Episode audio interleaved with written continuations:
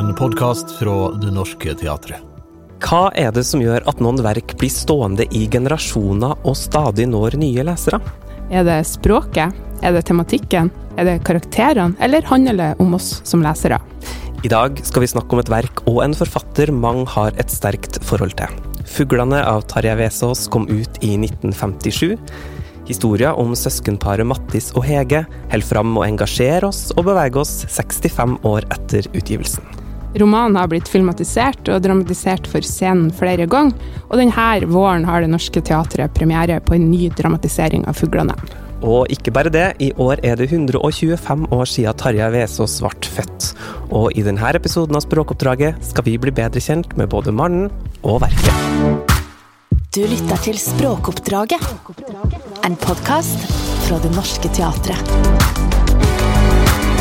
Med Inger Johanne Sæterbakk og Erlend Tongesvik Dreiaas.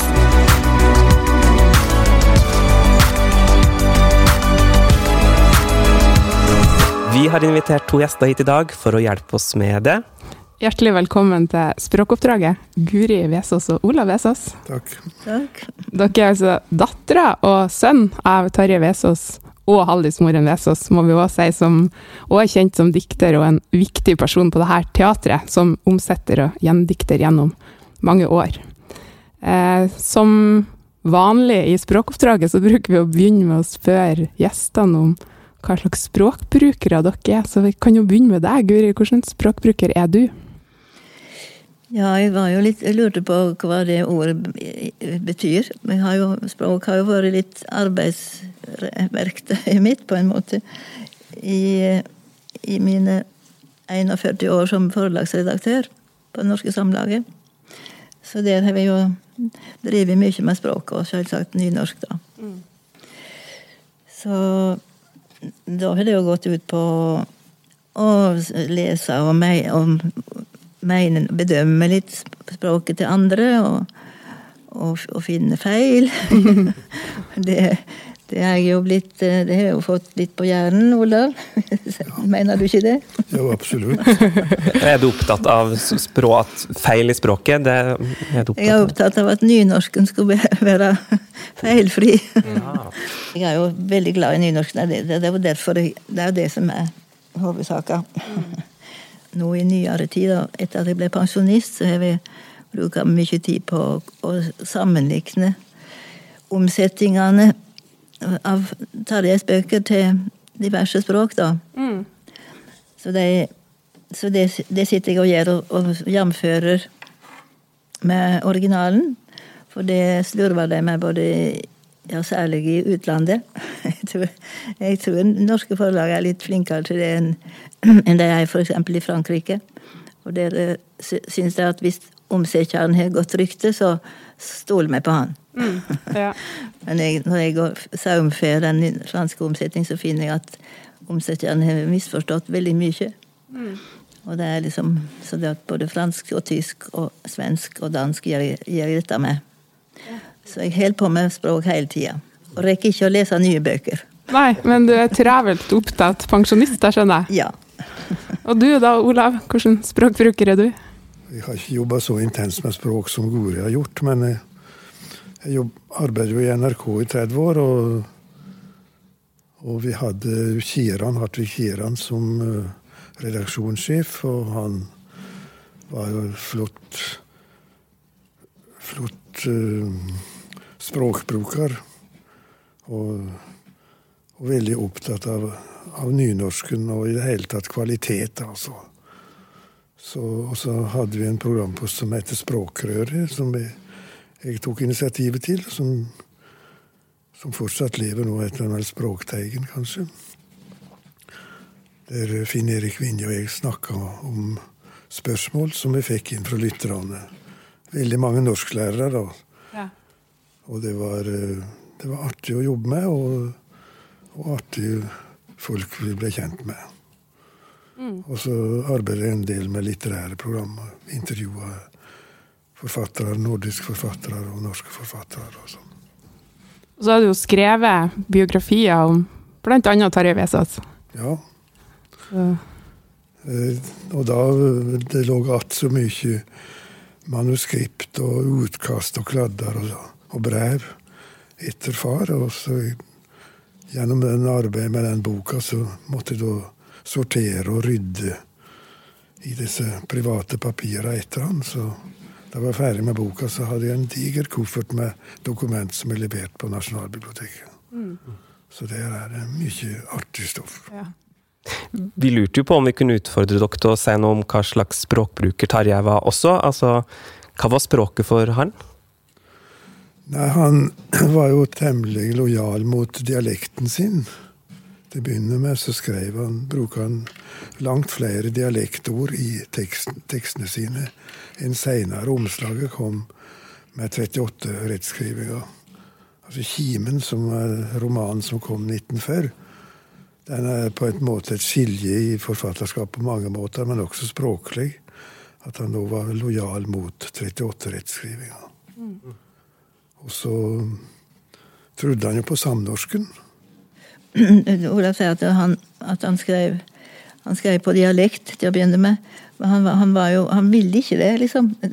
Han mente ikke å skrive på dialekt. Han skrev jo på nynorsk, men han hadde jo, han hadde jo ordforrådet sitt. Og veldig et, et, Altså, det er jo veldig rikt En dialekt kan være veldig rik med, på, med, med alle nyansene og sånn, så han bruker Han skrev liksom det han sa, på en måte. Og han hadde jo lært nynorsk på på folkeskolen. Han hadde ikke noe annen skole enn folkeskolen, og så et år på folkehøgskole på Voss, riktignok, så det var jo en veldig viktig ting. Men, men han for, no, for, eksempel nå når jeg sitter og finleser fuglene sånn ord for ord, mm. og, sammenligner med det franske, så, så finner jeg det, det er ikke ett fremmedord i, i den teksten. Han, all, ingen, ingen ord som kommer fra latin. For det var ikke hans.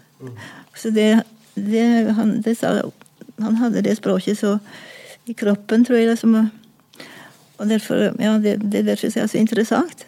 Og jeg har begynt å tenke må lese alle bøkene, så ser man det i det hele tatt fins et, et, ord som kommer fra latin, eller, eller ja, andre, andre sånne Han kunne jo bruke det når han snakka, men han, han, skrev det ikke. Vi tenkte vi skulle, Når vi nå har barna til Tarjei Vesaas her, så må vi jo liksom få spurt litt om hvordan han var. Hvordan var han som far? Hvis jeg blir spurt, så sier jeg at han var snill. Mm. men, men, det var veldig, han hadde jo veldig Og litt gammeldagse, da, liksom. meninger om hvordan ting skulle være. Men han, var, han, han pukka jo ikke på, på dem liksom, overfor Vi hadde jo ei mor som var mer moderne i mange spørsmål. Mm. Og som, som jo hun som sto for den smuleoppdragelsen vi fikk. altså, det ble jo spurt i det ble, det ble Da krangla de forresten. Etterpå, Det var et ukeblad som var og intervjua dem. Og ble spurt, da spurte de om eh, barneoppdragelsen. Og da, hadde, da sa vel hvem av de som sa det da først, vet jeg ikke, men at jeg hadde ikke oppdratt sånn. Det var vel far som sa det. Ja, det var han som sa det, og da ble mor forarga. Det hadde, det hadde de jo jammen. Men eh, hvordan var dere, dere hadde jo vokst opp med to diktere, og det var jo kanskje ikke så vanlig verken i Vinje eller andre plasser. Hvordan var det med å vokse opp i det her skrivende hjemmet? Vi lei ikke noe under det. Vi ble ikke mobba for det. Det var ikke nei, mobbing ikke, på den tid. Men, ikke direkte mobba, men Nei, du måtte slåss litt med Nei, men det var jo så klart for oss iallfall at far og mor drev med noe helt annet enn de gjorde på grannegardene. Det var jo småbrukere og gikk i fjøset og, mm. og så videre. Så disse kameratene mine, de de mobba meg en del. Og som 'Far din gjør ingenting, han sliter ut buksa fra innsida', sa de. vet du. Så da hendte jeg måtte ta fram knyttneven og forsvare forfatterstanden litt. Men han var odelssønn eh, egentlig, Tarjei, var han ikke det? Så det var ikke gitt at Eller han tok et bevisst valg da han gikk inn i skrivende Ja, absolutt. Virke. Han var jo odelsgutt. Ja. Og brøt ut av den ringen. Det var Olav og Tarjei og Olav og Tarjei i generasjoner bakover. Mm. Og det, den utbrytinga, det han skildra så godt og så drepende godt i den siste boka, prosaboka som heter 'Båten om kvelden'. Slik det står i minnet etter stykket. Og der er det altså Gud som liksom opponerer mot faren. Og, og det, er, det er altså bryte ut av ringen. Bryte ut av ringen. Kjente han på det sjøl, Tarjei, at han hadde brutt den ringen? Ja, det, var... det tror jeg nok han gjorde. For det var jo da en yngre bror som overtok odelsgarden. Og han, eh, altså far var veldig snill og hjelpte til i slåtten og så videre med de der. Og mm, ja, da han var i London, den sommeren han var i London, så sendte han penger hjem til far sin for at han kunne leie en slåttekar i stedet for han som var i London. da. Men det var, mm, jeg tenkte, det var jo, det var, det var jo Han hadde jo veldig, veldig samvitskvaler med det.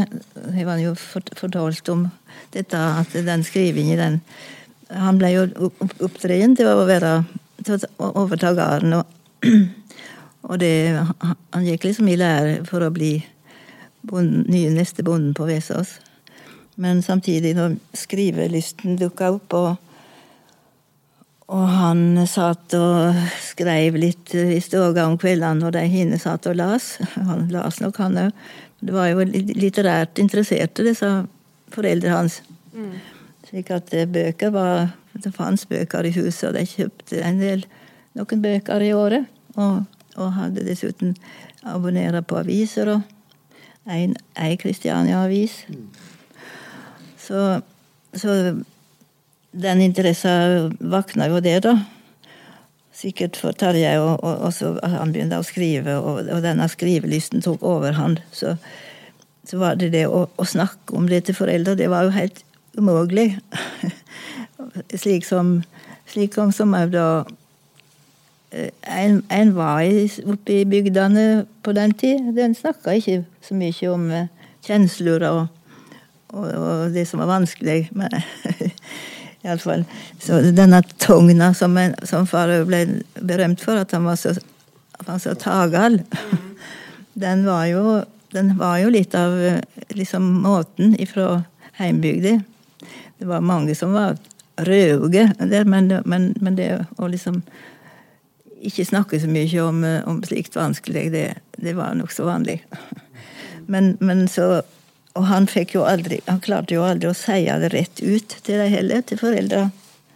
For han Han begynte jo å skrive og sende manus til forlag og fikk det tilbake og i retur. Og alt dette foregikk Det ble ikke kommentert av, de, av foreldra. Eller, eh, eller søsknene, kanskje. De kunne tro at de hadde gjort det. Men slik at eh, når det først når det kom endelig det kom ei bok til slutt, etter fire refusjoner, tre refusjoner, så, så, fikk han jo gitt ut ei bok da. I 1923.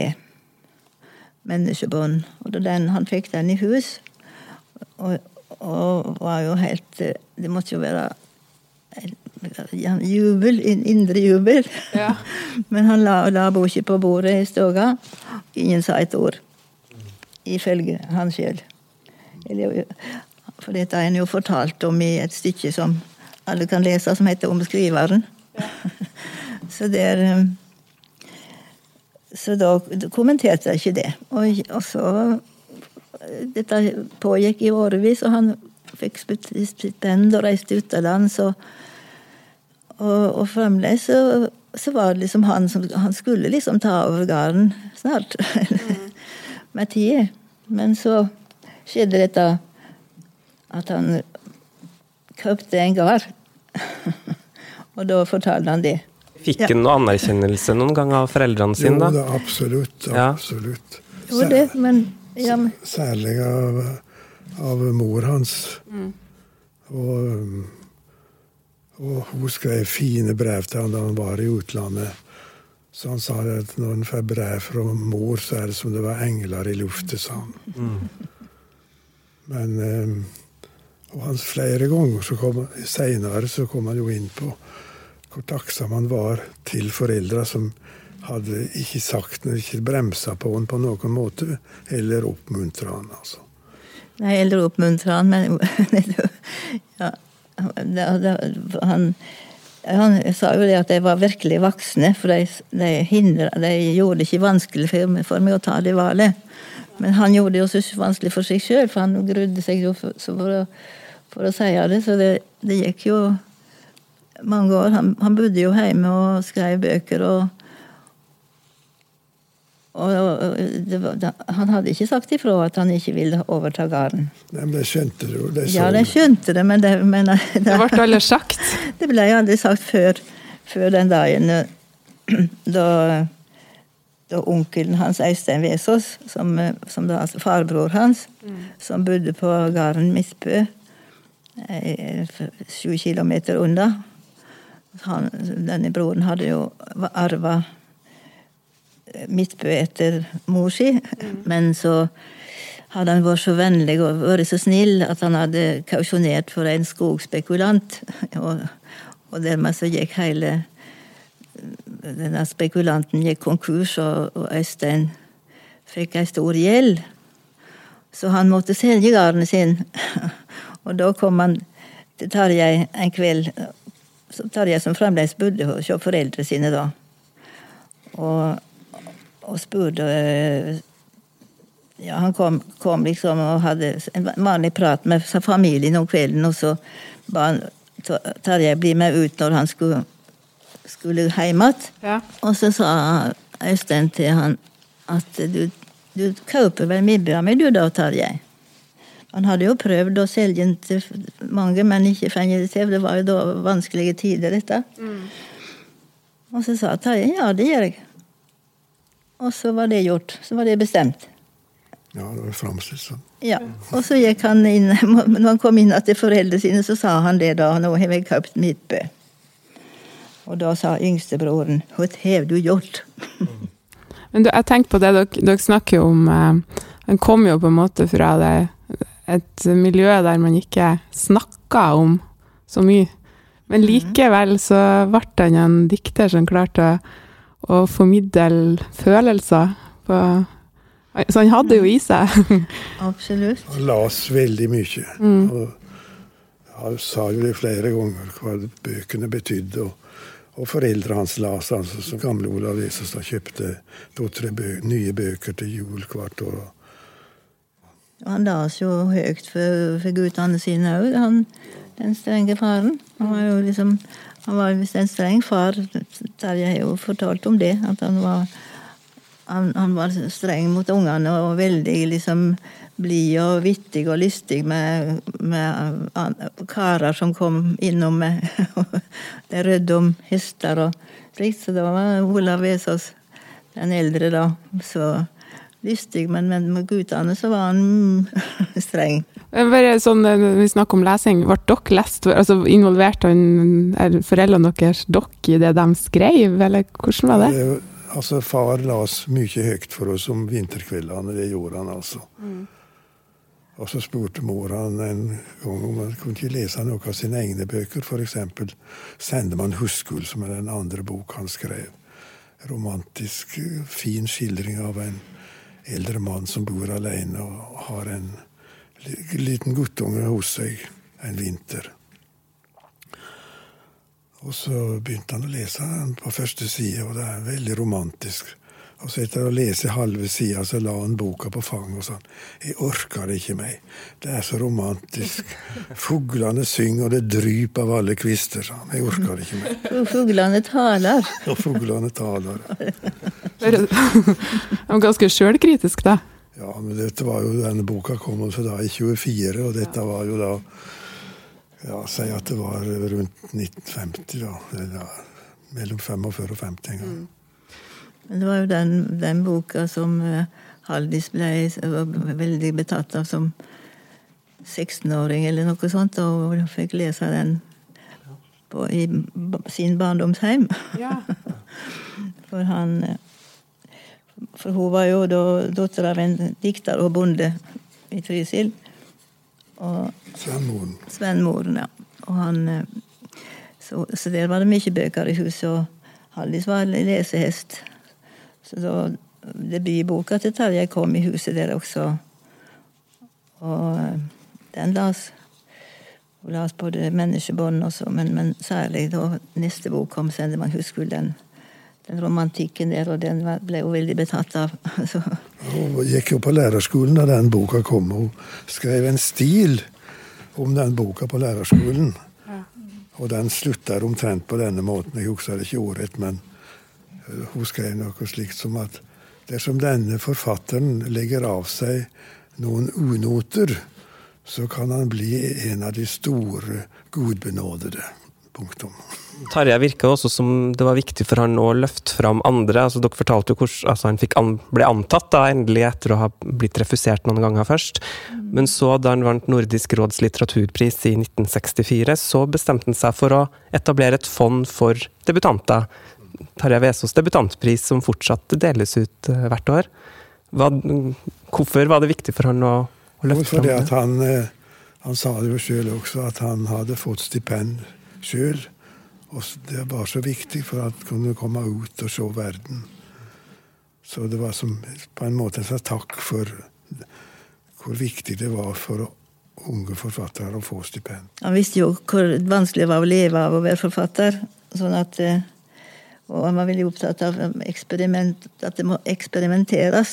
Det må, at det, så støtte opp om de som kommer med noe nytt. og og som kanskje ikke Ja, som, ikke, som er uselgelig, f.eks. Slik at eh, Så det, det, var veldig viktig for han det med Livsviktig at det, at det blir eksperimentert. Slik at de, de, som prøver seg på det og, og tar sjansen på det, de må få støtte. Mm. Det, det var raust av en det, da. Det, og sikkert, og sikkert òg hjulpet mange i gang med, med, karrierene sine. For vi ser jo at mange av dem som har vunnet de prisene, har jo, vært, har jo fått store forfatterskap senere. Det har vært en god, god komité som har plukka ut de vinnerne. Altså, det hadde vært vi skal gå videre til å snakke om den romanen som nå skal bli en teaterforestilling her på Det Norske Teatret eh, litt seinere i vinter. 'Fuglene', som kom ut i 1957, og som blir regna som et av hans eh, viktigste verk. Tarjei Vesaas. Eh, og mange har et veldig sterkt forhold til Hege og Mattis, som vi møter i, i denne romanen. Jeg lurte, Kunne vi ikke starte med, kunne dere bare kort sagt litt om hva er handlinga, helt kort, i 'Fuglene', for dem som eventuelt ikke har lest enda? Mm. Det er jo en skildring av et søskenpar, Hege og Mattis. Og Mattis eh, er jo annerledes enn andre. Eh, far ville ikke kalle han evneveik, men han er kanskje arbeidsudyktig. Mm. Men Mattis har et rikt indre liv. Han er langt på vei en kunstner, en poet sjøl. Mm. Men har ikke noe arbeid, så Hege strikker kofter og selger kofter for å holde liv i dem. Og de bor i et lite hus, og Mattis han tar seg av og til får seg av og til en liten jobb, en turnipsåker eller, eller slikt tilfeldig jobbing. Mm. Men så sier Hegen til han en dag kanskje du skal være ferjemann. Altså ferje folk over sjøen. Og så får han, gjør han det, og første dagen så får han ferje en mann over. Og det er en som heter Jørgen, som er tømmerhogger. Kraftig, flott. Og så blir da selvsagt Jørgen forelska i Hege. Og dette merker jo Mattis, mm. så han blir liksom pressa ut. Og hva skal det da bli av han? Og dette er et så sterkt tema i hele forfatterskapet at er du isolert, så er du i fare. Så det gjelder om å komme over i et fellesskap, altså et samliv eller et fellesskap. I bok etter bok kan du finne det denne konstellasjonen. Det er nesten et mønster, altså. Og karakteren Mattis, han, det skrev Tarjei på i over lang tid, mange ja, år. Han skrev først en novelle som var ferdig før krigen, ferdig i 39, som heter 'Tusten'. Og i den novella så står det at, at um, Han heter jo Mattis. Og Mattis det var sikker på at i himmelen brukte de ordet Mattis, og ikke Tusten. For det var som det der tusteriet, da, som Men Mattis, det er og det sa jo far etterpå også, at det er på en måte skildring av kunstnerens situasjon. Altså en forfattersituasjon. Og Mattis har jo stor glede av å finne på fine setninger. Mm. Tvers gjennom tvers, f.eks. Ja. Du mitt nebb imot stein. Flate steiner er til å sitte på. Så man Ja, en smak på ordene. Ja. ja. Men så blir det så ille til slutt da, at, uh, at Mattis orker ikke å se på dette med Hege og han Jørgen. Så han tar den gamle båten sin og legger ut på vannet. Mm. Og tramper hull i båten, så at båten Og så tar han årene under armen og driver av sted. Og da skal liksom skjebnen eller lagene han skal avgjøre da om han drukner eller ikke. Mm. Og det slutter boka. Ja. Med et rop at han sier 'Mattis'. Roper Mattis. Roper Hege først, og så Mattis. Hva betydde den boka for Tarjei? Fuglene? Nei, den, den, var jo sikkert uh, han, han, han, sa jo det om den boka. Aldri, aldri han sa, erklærte noe så sterkt om, om, de andre bøkene sine at, at den handler om sånn og sånn. Men den sa han jo at det er et sjølportrett med, med visse atterhall. Mm. At det bor, det bor, så mye i, i, at han er, at han er ikke liksom fullt uh, Fungerer fullt på alle måter. Det er klart. Og, og at han er veldig upraktisk, og, og at han, klar, han klarer ikke å og han tar på seg bitte små jobber. Søstera tvinger han til det etter kort, for han, han syns det er grusomt sjøl, for han veit at det, det, går i ball. Mm. Men eh, det er derfor det blir så skjebnesvangert da, når, når denne mannen dukker opp som han sjøl har frakta med båten sin til huset, og Jørgen kommer, han som, som da blir kjæreste med Hege. Mm. Det, er jo, det, er jo, han Det er jo det, den ferjinga til såkalte ferjinga til Mattis som, som, som, er skyld i det, liksom. Så han har liksom påført seg sjøl denne ulykka, og skjønner at dette her At uh, han kommer til å eller Han er i hvert fall veldig redd for å liksom bli forlatt av Hege. slik at han, Da er det ikke noe berging for han på andre vis skjønner han det. For dette er jo også ei tid Dette er jo ei tid for en stund siden. En god stund siden. Mm. Slik at uh, det var ikke så mye slik uh, vanlig helse Public health. Plutselig så vet jeg ikke hva det heter på norsk. Jeg har skrevet det på engelsk nylig til noen. Offentlig helsevesen, Offentlig eller noe helsevesen, sånt? Ja. ja. At han innser det som, eh, som gjør at han eh, at han går så drastisk til verks men, men, likevel da skal liksom overlate det til lagnaden om han skal overleve eller ikke. Med, disse årene som man skal flyte på. Mm. For det var et viktig poeng for Terje, at det var lagnaden som var inn og styrte slutten. Jeg så, um, leste en tekst om til premieren på den polske filmen som ble laga, der han likte den godt, men reagerte på at den der tvetydigheten i slutten ja. eh, var bort. Var bort, ja. Helt riktig. Helt riktig. Så det, nei, akkurat det likte han ikke. At det liksom Altså, regissøren hadde lagt noe til som ikke var i boka, på en måte. For her er boka den er helt åpen. Du veit ikke. Men uh,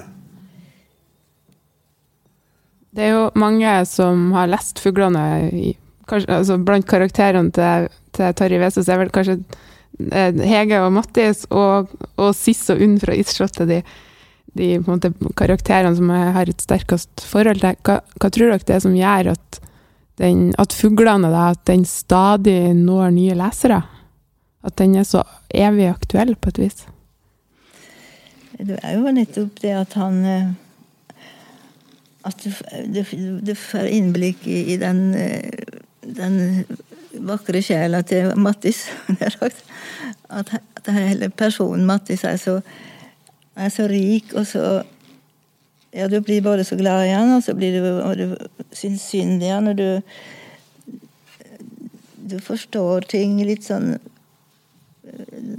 Ja, det er, det er en poesi der som er, er vanskelig å liksom peke hardt på, men, men det, det hele og, og Tarjeis kjærlighet til Mattis er liksom også veldig til stede. At det blir helt eh, Ja, får han som, som, en sånn Ja, Tarjei kaller han jo en broder. Ja, han gjorde det. og da ikke en bror, men en broder. Du hører at det er liksom noe litt annet, men, men det er et eh, Ja. Det, han sa jo det som du sa, Gori, at han hadde, var et sjølportrett med disse Atterhall. Så det er jo mm. veldig mye som er likt, på en måte. Og, og de var flinke til å ro, begge to. Rodde snorbeint, altså. Ja. Og var glad i vakre jenter. Ja. Ja, det var det ganske på bølgelengde. og denne gleda over å formulere ting, altså. Skape ting med ord og Så han er jo en dikter, Mattis òg. Men kan man bli irritert på Mattis òg? Eh, kan det være en følelse man kan ha? Det skal godt gjøres. Ja, det skal godt gjøres. For eksempel, da, altså, um, for Hege kan man jo synes synd på det livet hun da får, at hun må ta vare på bror sin, da, eh, og ikke får et liv, ikke får barn og ikke får en mann. Og så, når hun plutselig får det, så er det ja, en utløsende faktor for at Mattis da føler seg forbigått. Jeg lurer også på om jeg har lest at Tarjei har uttalt at som et barn så er Mattis egoistisk. Altså det at du tar kjærligheten for gitt, den du blir får, uten å tenke på det. Er det en lesemåte? Jeg tror ikke han, tror, ja, jo, han har jo så respekt for Hege, og, og er glad i henne, men det er klart at hun, krangler, og, og, hun er irritert på han for det. Og, ja, og hun er veldig Hun, hun har jo gitt opp liksom, drømmen om å få seg et eget liv. Hun, hun er 40 år og, og har denne broren, da. Sånn at eh, Jeg tror han, han både Han har også evne til å ha medkjensle for Hege. Og han syns jo det er veldig urettferdig at, at de, disse, to ospetoppene som står visne ospetoppene som folke, folkemunnen har døpt for Mattis og Hege.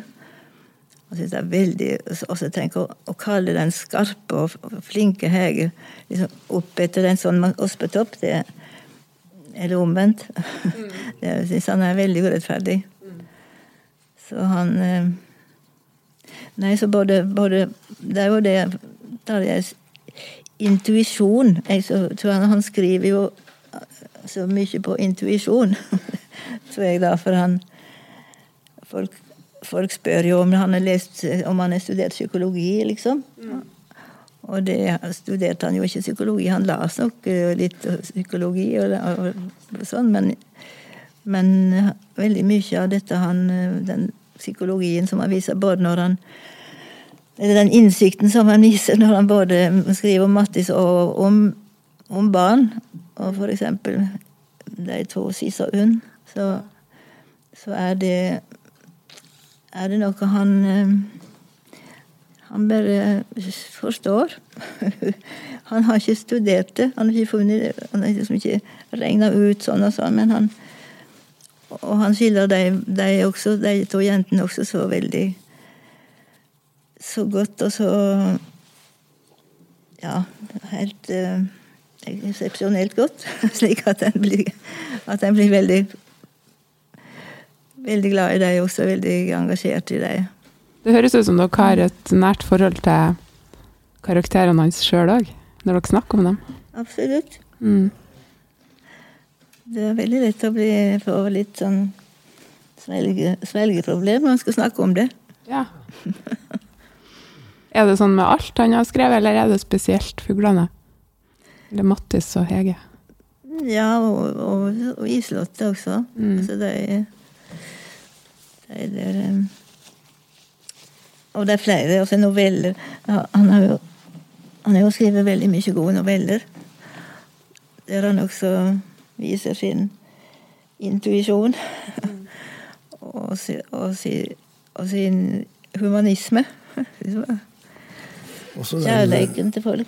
også den eh, siste prosaboka, altså 'Båten om kvelden'. Den er jo, som Brikt Jensen, som var direktør på Gyldendal, sa, eller skrev til han, at det er en indre sjølbiografi. Og der er det som bråtet med familien, altså odels, odelskravet, da.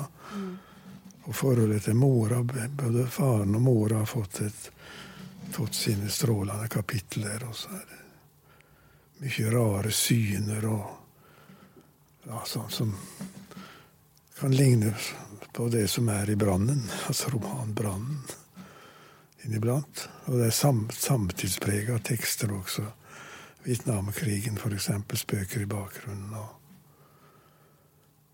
og Dess bedre du kjent du blir med Terje Vesaas, dess viktigere er den boka, syns jeg. altså. Eh, Jeg tenker på det du sier, Guri, når du sier at du får svelgeproblemer av å snakke om det. Er det fordi du ser at du ser så mye av han i det, eller hva? Hva som er så sterkt? Nei, det er vel kjensler det, det, det setter i gang så mye kjensler. Så eh, Ja, det har jo selvsagt med han å gjøre, men det er jo, det er jo de personene han skaper. Altså. Og Mattis, han er jo Ja, han, han er veldig verdt, verd å, å bli glad i. Han stiller, Matti stiller jo det sentrale spørsmålet som vi alle ikke har noe svar på. Hvorfor er det slik det er? Det kan jo være som sånn blinkende lys over alt sammen. altså. Fuglene har eh, ny dramatisering har premiere her på Det Norske Teatret 26.2. Og det er den belgiske regissøren Luc Perceval som har regien.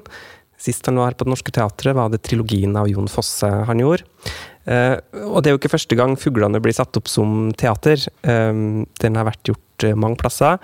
Og for mange vil kanskje Nils Sletta sin tolkning av Mattis eh, bli stående for alltid. Det er 25 år siden den ble satt opp sist. Det er kanskje vanskelig å snakke om fuglene uten å, å snakke om den forestillinga? Og Jeg ser- til Nils? Jeg ser jo ofte Nils for, for mitt indre. Det var jo en fantastisk fin forestilling. og Det var det, altså. Så det tror jeg det er mange som har det på netthinna, altså. Det bildet av Nils. Og det var en god, en god, en god framsyning som Riksteatret hadde for et par år siden også. Og Nordland Teater hadde et. Og, Ja, og i Paris og i Marseille og i ja, den har vi ikke sett. Berlin og Så han, han, han er ute i Europa òg. Altså, Bøkene hans, bøkene hans er jo omsatt til veldig mange språk, da. Og det er jo fuglene og islottet der også som er de, de som er mest omsatte. Og fuglene aller mest. Er iallfall 35 språk. Og nå er det nesten i- Jeg har ennå ikke kommet på kinesisk, men det er solgt til Kina også. Bare jeg blir ferdig med olympiaden, så har jeg Ja. Det, er, vi må jo det, det gikk jo veldig Det har jo gått Har vært noen veldig fine dramatiseringer av romanen hans, men det har ikke det, det var ikke sånn at det funka med en gang med, med teater for Veses, det han skrev. og Jeg må sitere deg, Olav, fra noe du skrev i programmet til Bleikeplassen, som ble satt opp her på teatret i 1995. At Tarjei Vesaas var ulykkelig forelska i teatret, skrev du. Eh, Du må fortelle om det her vanskelige kjærlighetsforholdet. Nei, han var jo veldig glad i teater og gikk mye i teater. Og, og disse åra som før han ble gift og bodde mye i Tyskland, så gikk han jo på teater, på Lystra middag for å kjøpe teaterbillett. Så moderne teater. Han var eh, veldig glad i teater og prøvde å skrive for teater, men han kunne ikke nok om teater. altså sceneteknikk og alt slikt noe, og posisjoner på scenen. Og. Men øh, du nevnte jo Blekeplassen, mm. som eh, Jeg tror det var i 53 at den hadde premiere her på teatret. Ja, første gangen, det. Ja. Mm. Og det var eh, det, det, det, det, det var jo bra. Det var jo bra. Og det ble seinere også sendt i Fjernsynsteatret. Den som da liksom brøtte ny vei for, for Tarjei i, i teatret, det var Jon Fosse. Som ble sett Da han ble sett opp på, i Paris Første stykket hans som ble sett opp i Paris, som var sett opp på han eh, Claude Regi, som er veldig, veldig sånn viktig Litt guru, teaterguru. Ganske oppe i åra, da, nesten 90 år. Da han, da han satte opp eh, 'Noen kommer til å komme'.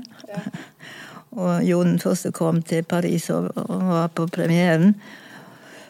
Og snakka med regissøren og, og sa til regissøren at han hadde Tarjei Vesaas i ryggmargen.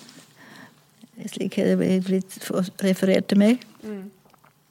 Og dermed så ble jo Claude Regi veldig interessert i å sjekke Vesaas-bøkene. da. Han hadde ikke tenkt på han som dramatiker, men, men da Det resulterte jo i to, to oppsettinger som han regi laga.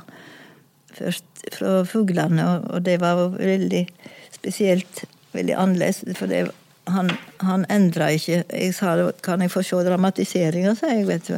Nei, han dramatiserte ikke, han bare res, han resiterte teksten akkurat som den sto. Og det var, det var en, en skuespiller som spiller Mattis, da, som resiterte teksten veldig langsomt. Og så var det med musikk og lyseffekter og Og magisk ble det. det var det ene. Og så, var, og så tok han også et stykke fra båten om kvelden og laga ei, ei framsyning med flere skuespillere. Og, og den kom hit og ble spilla på Han ble invitert til Black Box. Og så det var, det var ei vikes det var ei uke med, med Vesaas på scenen der på Black Box i 2015, tror jeg det var. Så Jon Fosse åpna døra Det var han som gjorde det. Og han, regi, han skriver jo han, skri, han skrev Han er for vane å skrive litt eh, en artikkel eller lage en liten bok etter, etter framsyningene sine. Så jeg har en liten bok da, som, der han skriver om Først så skriver han eh, med, etter, etter møtet med, ja, møte med Jon Fosses drama endra livet mitt, skriver den gamle Claude Regi, som da var 89 år eller noe sånt. Og så det neste var da så fikk han og så oppdaga han Tarjei Vesaas. Og hos begge disse dikterne så fant han det som han som var så vidunderlig for han, og det var det mm, mellomrommet i teksten.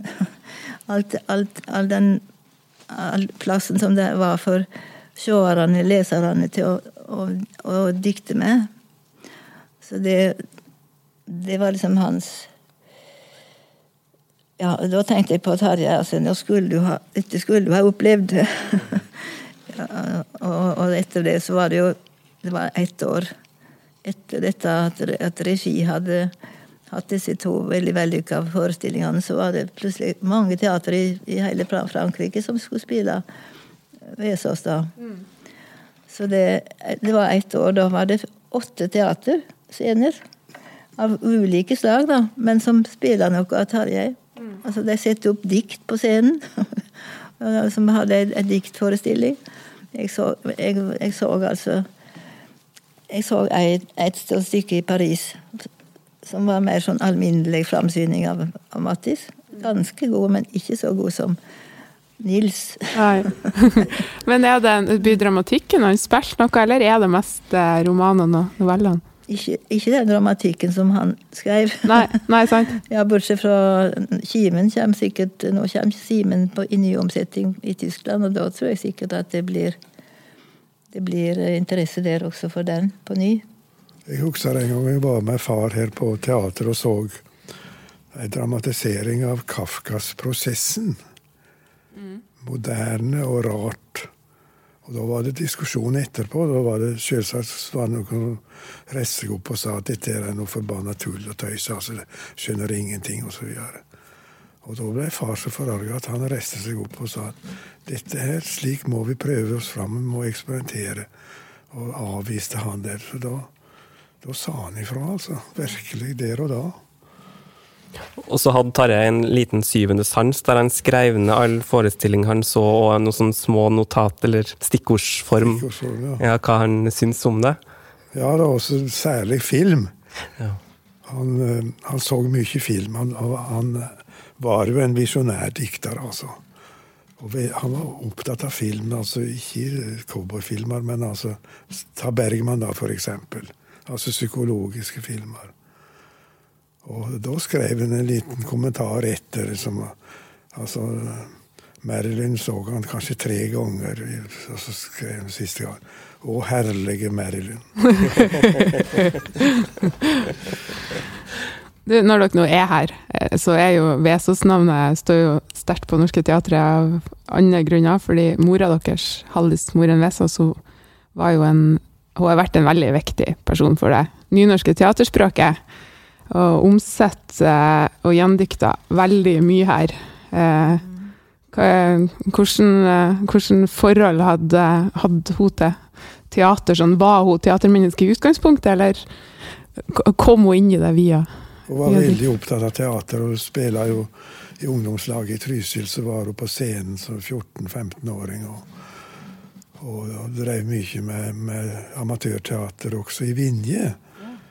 Og instruerte eh, amatørskuespillere, og særlig Holberg-komedier. Og, og hun fikk låne gamle, fine drakter fra Sentralteatret, og dette ble disse trauste vindbyene vet du, de spela ut, så det var en fryd, altså.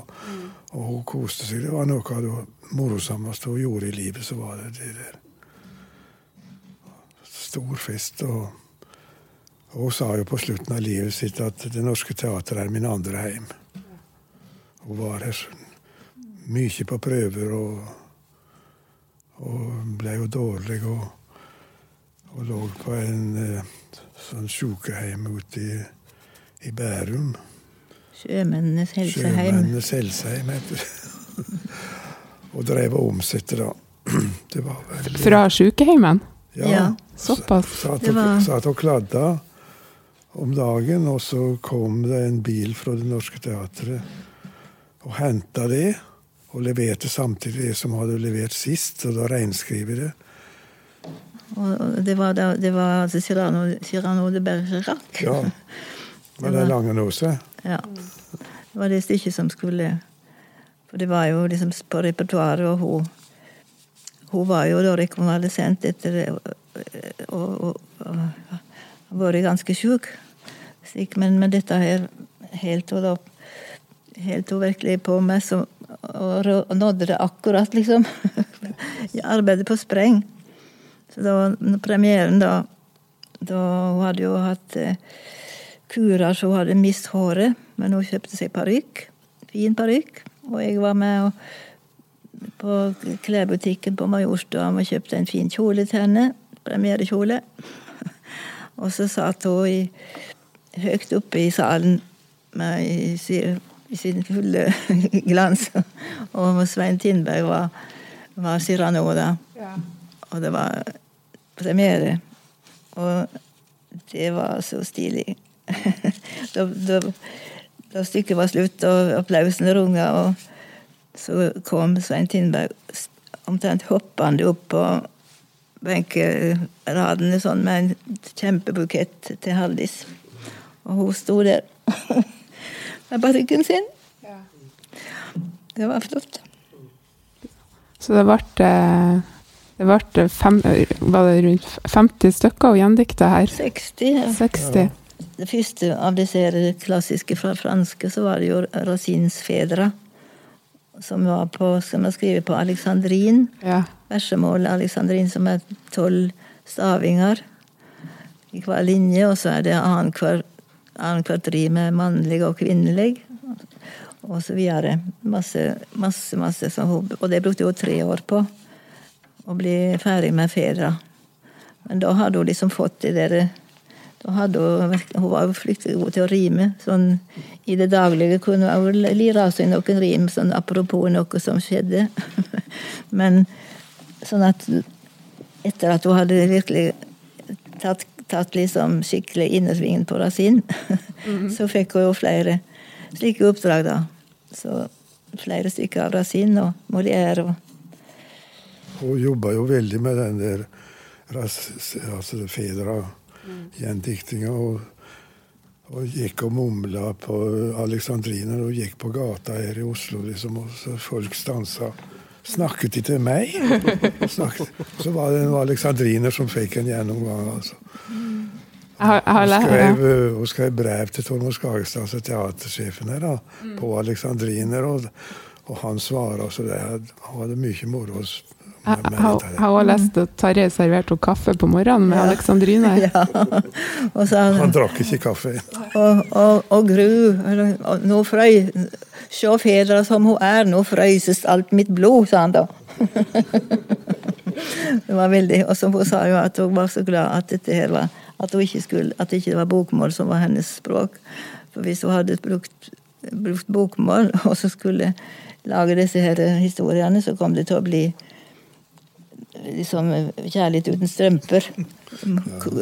Altså komikk, nesten. Mens, men på nynorsk ble det veldig sånn skikkelig eh, knakende god riming. Det, jo det, er jo det er jo alltid stor glede når det kommer et repertoarforslag, og, og vi har jo en oversettelse eller gjendikting av Halles Moren Vesaas i arkivet. Så nå sist var det vel Berenice som Ja. ble gjort i hennes omsetting på vers. Ja, visst. Hun var jo, hun var jo når hun ble, Da hun ble sjuk, så var hun jo på Diakonhjemmet og hadde en lege der som het Eika. Som uh, hun snakka mye med. Og, og hun sa da til Eika en dag at uh, altså Bersen, Ber, Berse- hva heter den? Bersen- Bergerac. Bergerac, ja. Har hjulpet meg mer enn uh, cellegift, altså. Ja. For ar arbeidsgleden. Ja, i det hele tatt overleve. Ja. Ja. Vi skal runde av, men vi har også en annen fast spalte her i denne podkasten, Språkoppdraget. Og det at vi spør gjestene om de har lyst til å dele sitt favorittord med oss. Har dere lyst til å gjøre det? Ja, jeg med, I den grad med, altså, Jeg har aldri, aldri visst at jeg hadde et favorittord. Nei? Så jeg har prøvd å finne et, men jeg har det. Men du kan jo begynne, du, Ole.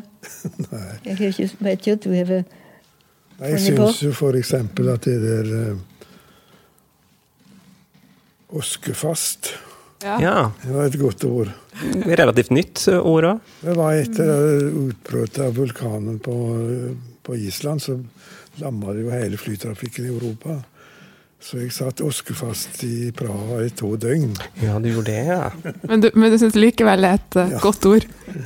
Og så syns jeg ordet nave er et ganske artig ord. Det er også et nyord. Altså, altså utnytte eller bruke Nav, altså. Mm. Enn du da, Guri? Har du Ja, nei, jeg Jeg, Jeg, jeg har to. Ja. Men ingen av dem visste jeg at jeg hadde som yndlingsord før i går. Ja, men det Så, og det Nei, jeg, jeg lest jeg, jeg las noe som han eh, Otto Hageberg skrev om Tarjei for, for en uke siden. Og da, der, han bruker et ord som jeg, ikke, jeg har ikke sjekka om den fins i ordlista.